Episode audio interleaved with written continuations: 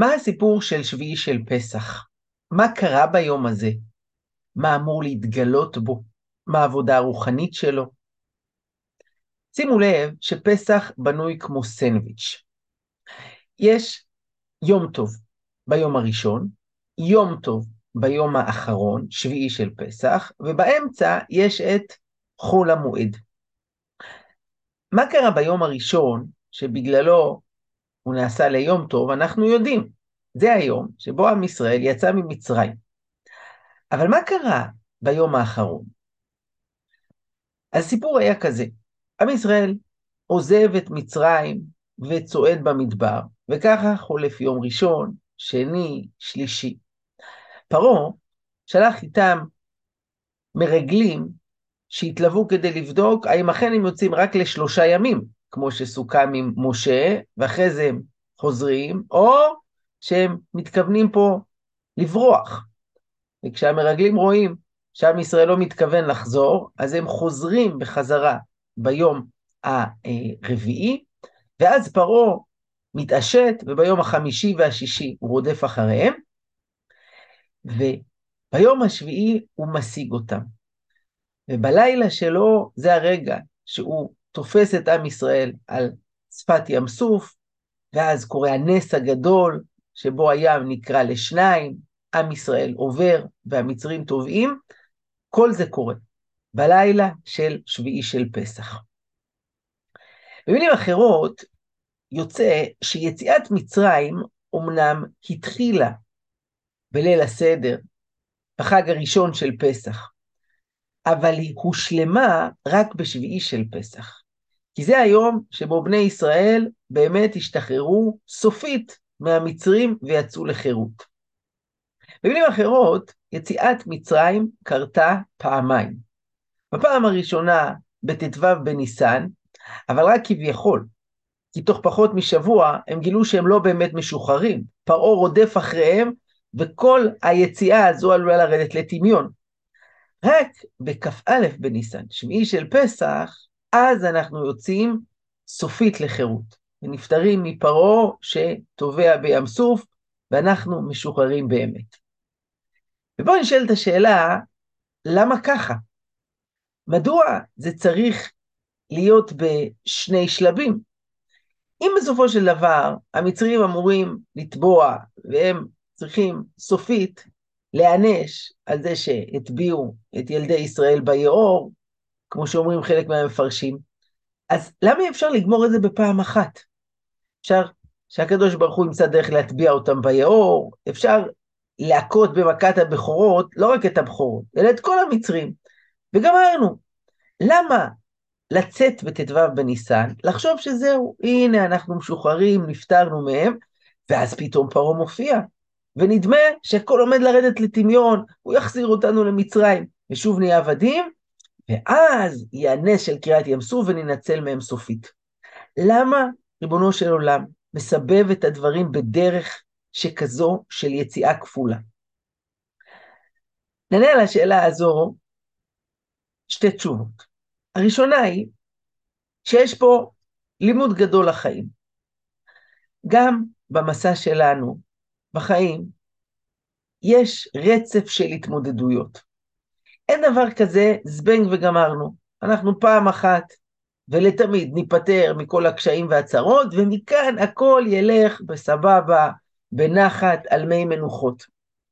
לא עובד, חברים יקרים, ביקש יעקב לישב בשלווה, קפץ עליו רוגזו של יוסף. יצר הרע מלווה את האדם מהנשימה הראשונה עד הרגע האחרון שלו, וכל החיים יהיו קשיים ויהיו אתגרים ויהיו התמודדויות. נדמה לך שניצחת, ספה לקרב הבא, זה עניין של זמן. חשוב לעשות את התאום ציפיות הזה, להבין איך בנוי העולם, איך בנוי מסע החיים, כדי לא להיות מתוסכלים כל פעם שמגיעה התמודדות, די, רציתי קצת שקט. כשמבינים שהעולם הזה זה לא קייטנת פינוקים, אלא חדר כושר, מסלול אתגרי, ואנחנו בשמחה צולחים את האתגר ומתכוננים אל הבא בתור, אז ממילא אנחנו רואים אחרת ומקבלים באהבה את האתגרים שהקדוש ברוך הוא מזמן לנו.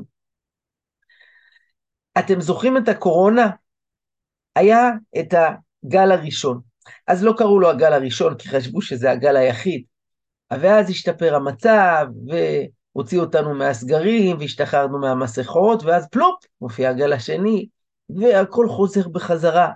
ועברנו גם אותו, וכבר התחילו להגיע חיסונים, ואמרנו, או, oh, עכשיו יש חיסונים, הכל יהיה בסדר. ואז מופיע הגל השלישי, והחיסונים מתקדמים, ונותנים עוד אנשים, ונותנים עוד מנה, וחשבנו שגמרנו, ואז פתאום מגיע האומיקרון, איזה זן, מוטציה של הקורונה. את, אתם זוכרים את כל זה, או שכבר הספקנו לשכוח? חווינו אז על בשרנו איך גם כשחשבנו זה נגמר וזה מאחורינו, הגיע הסבב הבא. נדמה שעכשיו כבר הקורונה אה, הפכה לעוד איזה סוג של שפעת. תשמע, לא רוצה לפתוח פה לשטן, אבל איך תדע מה יהיה המוטציה הבאה, מה יהיה המגפה הבאה, איזה עוד אתגרים הקדוש ברוך הוא יביא לנו. ותראו, זה לא רק בקטע של מחלות, זה בכל התחומים. היה לי דיבור עם בחורה בת 28, היא הייתה שנים בדייטים, והיא כל כך רצתה להתחתן, היא, היא, היא אמרה, אני, אני, ברגע שאני אזכה לדבר הזה, לעמוד מתחת החופה, ויהיה לי בעל, ואני אקים בית נאמן בישראל, זהו, החיים שלי יהיו מושלמים. ובסופו של דבר היא מצאה, והייתה חתונה מאוד משמחת. אחרי איזה זמן דיברתי איתה, נו מה קורה? איך זה להיות נשואה? היא אמרה, תשמע, זה תיק, לא חשבתי שזה כל כך מאתגר. וזה לא נגמר פה, כי גם כשצולחים את שלבי הזוגיות הראשונים ורק מחכים שנזכה לילד, תראו, עם ילד לא נפתרות הבעיות, הן מתחילות. כל האתגרים של לגדל ילד, ואחרי זה גיל ההתבגרות. מכירים את הגיל הזה? הגיל המאתגר מ-0 עד 18, עם כל הקשיים והעניינים, ואחרי זה לחתן את הילדים. תראו, זה החיים, זה העולם. עברנו את פרעה, הוא יופיע עוד פעם, בצורה כזאת או בצורה אחרת, בשם הזה או בשם האחר, ואנחנו ממשיכים הלאה, מחיל אל חיל ומתגברים ומתכוננים לאתגר הבא. אז זה מסר אחד, זו תשובה אחת לשאלה למה יציאת מצרים קורית פעמיים, כי גם החיים בנויים באופן שכזה, ולא רק פעמיים, אלא גם שלוש וארבע וחמש. נציע פה תשובה שנייה, לשאלה למה זה קורה בדרך הזו. יציאת מצרים בט"ו בניסן הייתה אירוע מדהים, אבל היה בו חיסרון גדול. והוא שזה היה בהתערותא דלעילא. כלומר, הקדוש ברוך הוא הושיט את ידו וביד חזקה ובזרוע נטויה שלף אותנו ממצרים.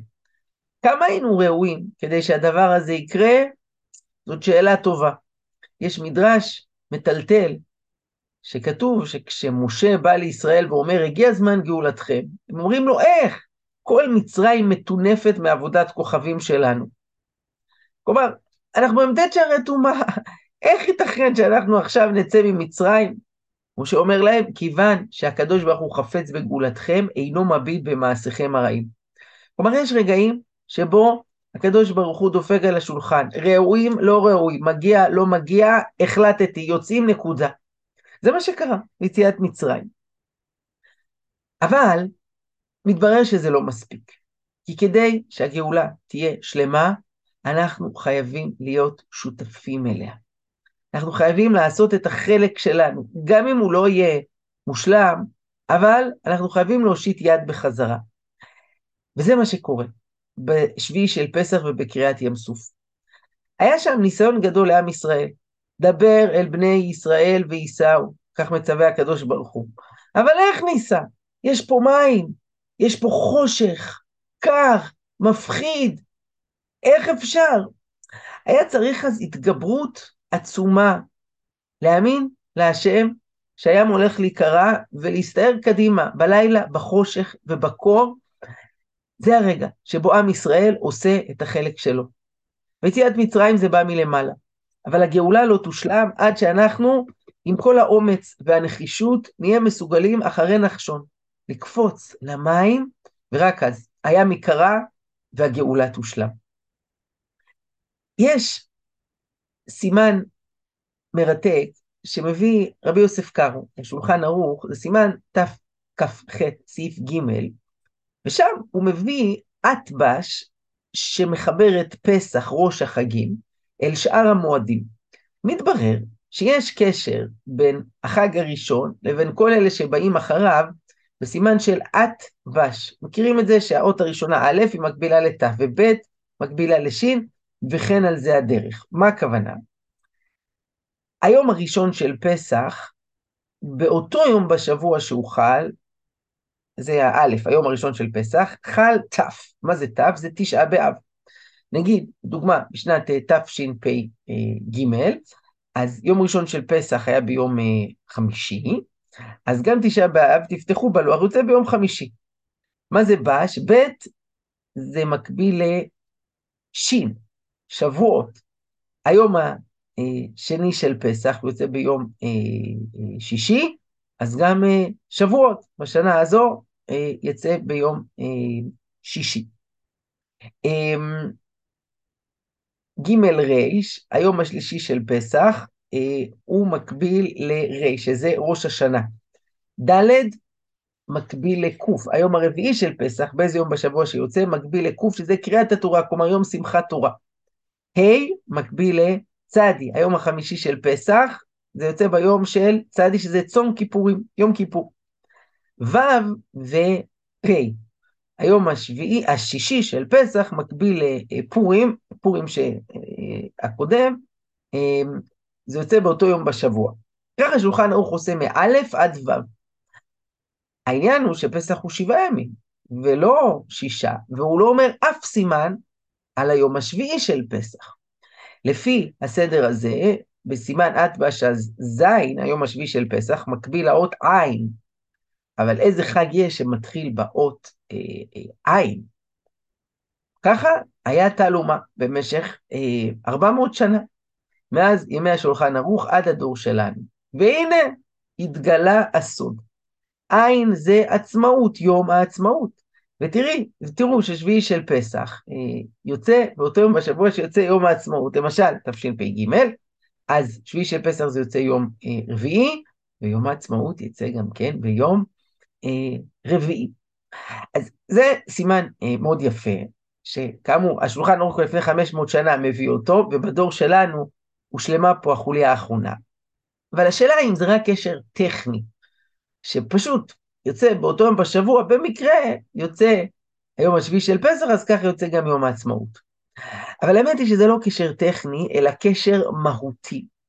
כי גם יום העצמאות דומה במובן מסוים לשביעי של פסח. המצב שהיה לפני קום המדינה, בה' באייר, היה כמו עם ישראל על שפת ים סוף. אנחנו נמצאים במצב קשה ביותר. מצד אחד המצרי, מצד שני הים, וזה מה שהיינו לפני קום המדינה. אמנם הבריטים עזבו את הארץ, אבל אנחנו מוקפים לא רק משני צדדים, מכל הצדדים, באויבים שמאיימים להשמיד אותנו. הייתה אופציה להכריז על המדינה, כפי שנקבע בתוכנית החלוקה, אבל הערבים איימו, זה יהיה הסוף שלכם. אם אתם רק תעזו את מה שהיטלר לא עשה, אנחנו נעשה, אנחנו נגמור, אנחנו נמחק אתכם, לא נשאיר פה אבן על אבן.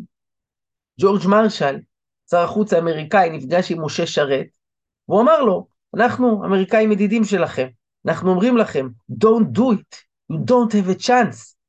הם יהרגו אתכם ואנחנו לא נעזור לכם, אין לכם סיכוי נגדם, זה לא ריאלי. והייתה פה דילמה מאוד גדולה מה לעשות. ובן גוריון, שעמד אז בראש ההנהגה, קיבל החלטה אמיצה, באיזושהי השראה שבאה עליו, התנוצצה בליבו, האומץ להחליט שחייבים לעשות מעשה. אם לא עכשיו, אם מתי? אלפיים שנה חיכינו לרגע הזה, והוא מתארגן לקראת ההצבעה.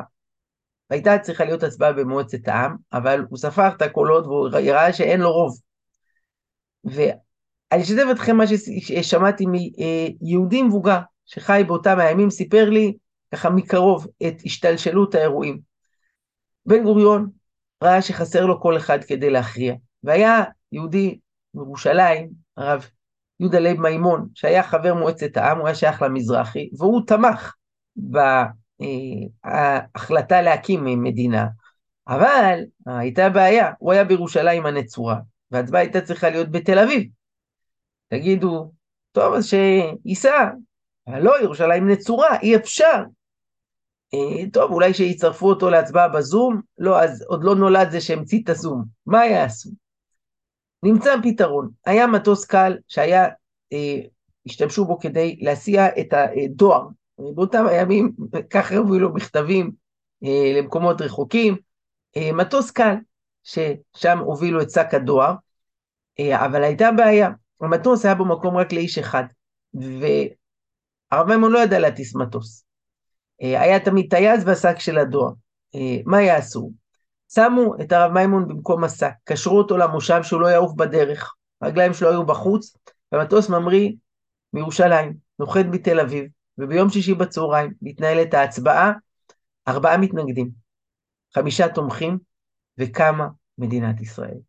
כל זה קורה בה' באייר, יום העצמאות תש"ח, אה, ואז גם פורצת מלחמת העצמאות, אמ, וכל זה מתקשר לנו לשביעי של פסח. זה לא במקרה ששניהם יוצאים באותו יום בשבוע, והזין של שביעי של פסח מתאים לעין של עצמאות, כי בשניהם, כמו נחשון, היינו צריכים לקפוץ למים, באומץ, בגבורה, בנחישות, באמונה, להגיד, אין, חייבים לצאת ממצרים, אנחנו לא נשתחרר מפרעה, לא נצא מהגלות אם אנחנו לא נעשה את זה באומץ, עם כל הפחד ועם כל החששות, נאמין שהגיע זמן גאולתכם, ועכשיו עם ישראל צריך לקום על רגליו ולחלץ פה ממצרים, לחלץ מהגלות ותקום פה מדינה. והנס קרה. הים נקרא לשניים, וזכינו לנצח במלחמה ולהקים פה בניגוד לכל התחזיות. אתם יודעים, יש עיתונים שיצאו בארצות הברית ב-1948, התחזית שלהם הייתה, זה יהיה נס אם מדינת ישראל תחזיק מעמד חמש שנים. העיתונים נסגרו מזמן. מדינת ישראל, כמו שאתם יודעים, חיה וקיימת, ובעזרת השם עוד תמשיך ותגדל ותשגשג. טוב, אז אם נסכם, אמרנו פה בעצם שתי תשובות. למה יציאת מצרים קורית פעמיים? האחת זה מסר לחיים. ההתמודדויות לא נגמרות, לא נפטרים בקלות מפרעה, כי הוא יחזור ויופיע כל החיים בכל מיני צורות ובכל מיני אה, וריאציות. תשובה שנייה, יציאת מצרים קורית פעמיים, כי הפעם הראשונה זה לא היה מספיק. זה קרה בהתערותא דלעילא. הקדוש ברוך הוא שלף ידו ומשך אותנו. אבל בשביל שתהיה באמת גאולה, אנחנו חייבים לעשות את שלנו, בעצמנו, כמו נחשון, לקפוץ למים, בחושך, בקור, מתוך אמונה וגבורה, ורק אז יקרה הנס. צריך יהיה באומץ להכריז על המדינה, והקדוש ברוך הוא אז יסייע בידינו ונגבור על אויבינו. נוסיף מסר אה, שלישי. מהסיפור הזה של קריעת ים סוף, אה, ומלמד אותנו גם משהו על האור הגדול של שביעי של פסח ומה אנחנו יכולים לקחת ממנו לכל השנה. ידועים דברי הגמרא במסכת סוטה שאומרת קשה זיווגו של אדם כקריעת ים סוף. אבל השאלה היא מה הקשר בין שני הדברים? מה מחבר בין זיווגו של אדם, למצוא כלה, למצוא חתן, דייטים, חתונה, לבין קריאת ים סוף. מה קשור אחד לשני? יש רעיון יפהפה של הרבי מקוצק, שהוא אומר את הדבר הבא. באותו רגע, כשעם ישראל עומד על שפת ים סוף, כשהמצרים מצד אחד והיה מצד שני, היה במחנה ישראל בהלה גדולה. ואנשים אמרו, מה נעשה? מה נעשה במצב הזה? והיו כל מיני אפשרויות. חז"ל מתארים במדרש, היה כאלה שאמרו, אין ברירה, אנחנו ניכנע ונחזור למצרים. היה כאלה שאמרו אנחנו נילחם נגדם, היו כאלה שאמרו אנחנו ניפול לים ונטבע, היו כאלה שאמרו טוב נתפלל להשם ו... אף אחד תאר לעצמו שיקרה מה שבפועל קרה, שיתרחש פה נס והים ייבקע והם יעברו בתוכו. את זה אף אחד לא תאר לעצמו. אומר רבי מקוצק, גם בחיים זה ככה, וזה מאוד בולט בעולם הזיווגים. דייטים בלשון ימינו. אנשים מגיעים עם הרבה תוכניות, איך זה צריך להיראות, עם מי אני אתחתן, מתי, איך יהיה לך קשר, באיזה צורה. והבעיה שהמציאות לא תמיד מסכימה להתיישר לפי התוכניות שלנו. יש כזה פתגם יפה שאומר שכל יום בחיים זה בעצם יומיים. יום אחד זה היום שאני תכננתי לי, היום השני זה יום שאלוקים תכנן לי. ותמיד באופן מפתיע היום שלו גובר על היום שלי. זה מה שקרה בקריאת ים סוף. חלק אמרו א', ב', ג', ד', בסוף קרה ה'. והמסר פה אלינו, לא שאנחנו נגד תוכניות, חשוב שבן אדם יהיה לו חזון ויהיה תוכנית וידע לאן הוא הולך.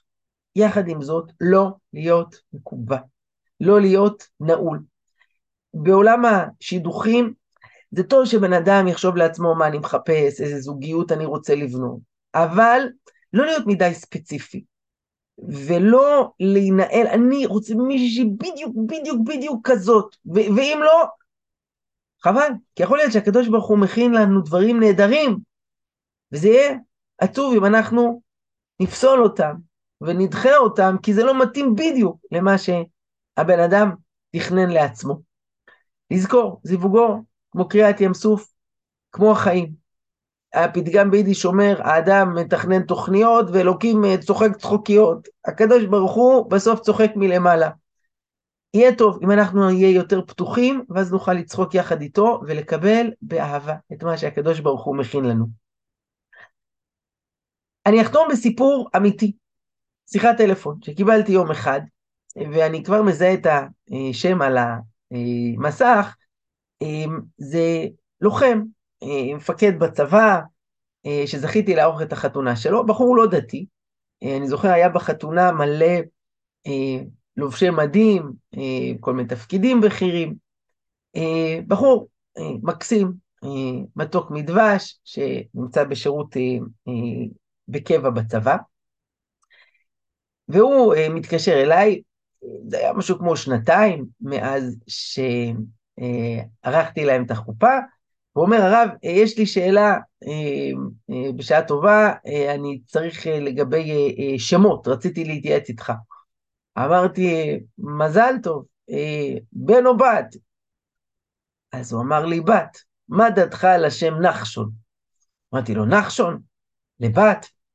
אתם יודעים, זה מצוי היום שאנשים מתקשרים להתייעץ עם רבנים על שמות לילדים, לא שהם באמת צריך. צריך שם טוב שההורים בוחרים, שההורים אוהבים, שיש לו משמעות, לא שם יצירתי ומוזר מדי, שהילד ירגיש מובך ממנו, אה, לא שם של אדם אה, רשע, אה, לא מומלץ שמות של בנים לבנות ולהפך, אבל חוץ מזה, איזה שמות שרוצים, זה בא בחשבון. לא צריך פסק הלכה בדבר הזה. בכל אופן, אנשים אוהבים לשאול גם על העניין הזה. אבל אני אומר לו, מה, נחשון לבת? הוא אומר, לא, זאת לא בת, ילדה, זאת פלוגה. פלוגה שלו מסיימת מסלול, צריך להחליט על שם, והוא חשב על השם נחשון, נחשון. שואל אותי, מה דעתך על השם הזה? אמרתי לו, תשמע, נחשון זה שם מבחינה יהודית, יש לו משמעות רבה, כמובן מלשון נחישות, אה, מזכיר לנו את נחשון בן עמינדב, ופה סיפרתי לו את הסיפור, איך נחשון היה הראשון שבגבורה קפץ למים, בלילה, בחושך, בקור, והוביל אחריו את כל אלה שבאו בעקבותיו, והים נקרא לשניים. אה, היה במלחמת העצמאות, אה, מבצע נחשון שבא לפרוץ את הדרך לירושלים, שזה הכל מתחיל מנחשון בן עמינדב, שבנחשוניות, בנחישות, קופץ למים, ואני מאחל לך, כך אמרתי לו, שגם אתם תהיו נחושים ודבקים במטרה, ותצליחו אה, להגן על ביטחון ישראל ולנצח את, ה, את האויבים. וסיימתי את השיחה, חשבתי לעצמי, איזה יופי, אנחנו חיים בדור של גאולה, שואלים את הרב, גם כשלא צריך, לא רק על שמות של ילדים וילדות, אלא גם על שמות של פלוגות.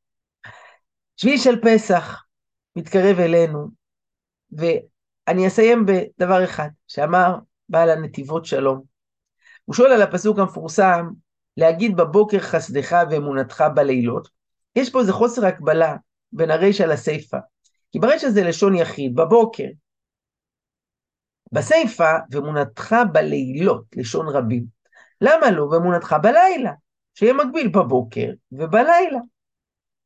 אומר הרב שלום נוח ברזובסקי, אדמו"ר מסלונים, בעל הנתיבות שלום, מאוד מומלץ ללמוד את הספר הנפלא שלו על פרשת השבוע ועל מועדים.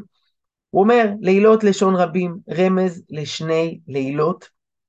ליל הסדר, זה הלילה הראשון, ליל שביעי של פסח, זה הלילה השני, שני לילות שבהם היה גילוי שכינה גדול. שני לילות שבהם בעצם יצאנו ממצרים, והם כך הוא מכנה אותם, ראש השנה לאמונה. כי זה לא היה קורה אם לא היינו מתגברים באמונה גדולה ובאומץ, ומהלילות האלה, ליל הראשון של פסח וליל שביעי של פסח, אפשר לשאוב כוח ונחישות וגבורה ואמונה שילוו אותנו בעזרת השם כל השנה. שיהיה לכם חג שמח.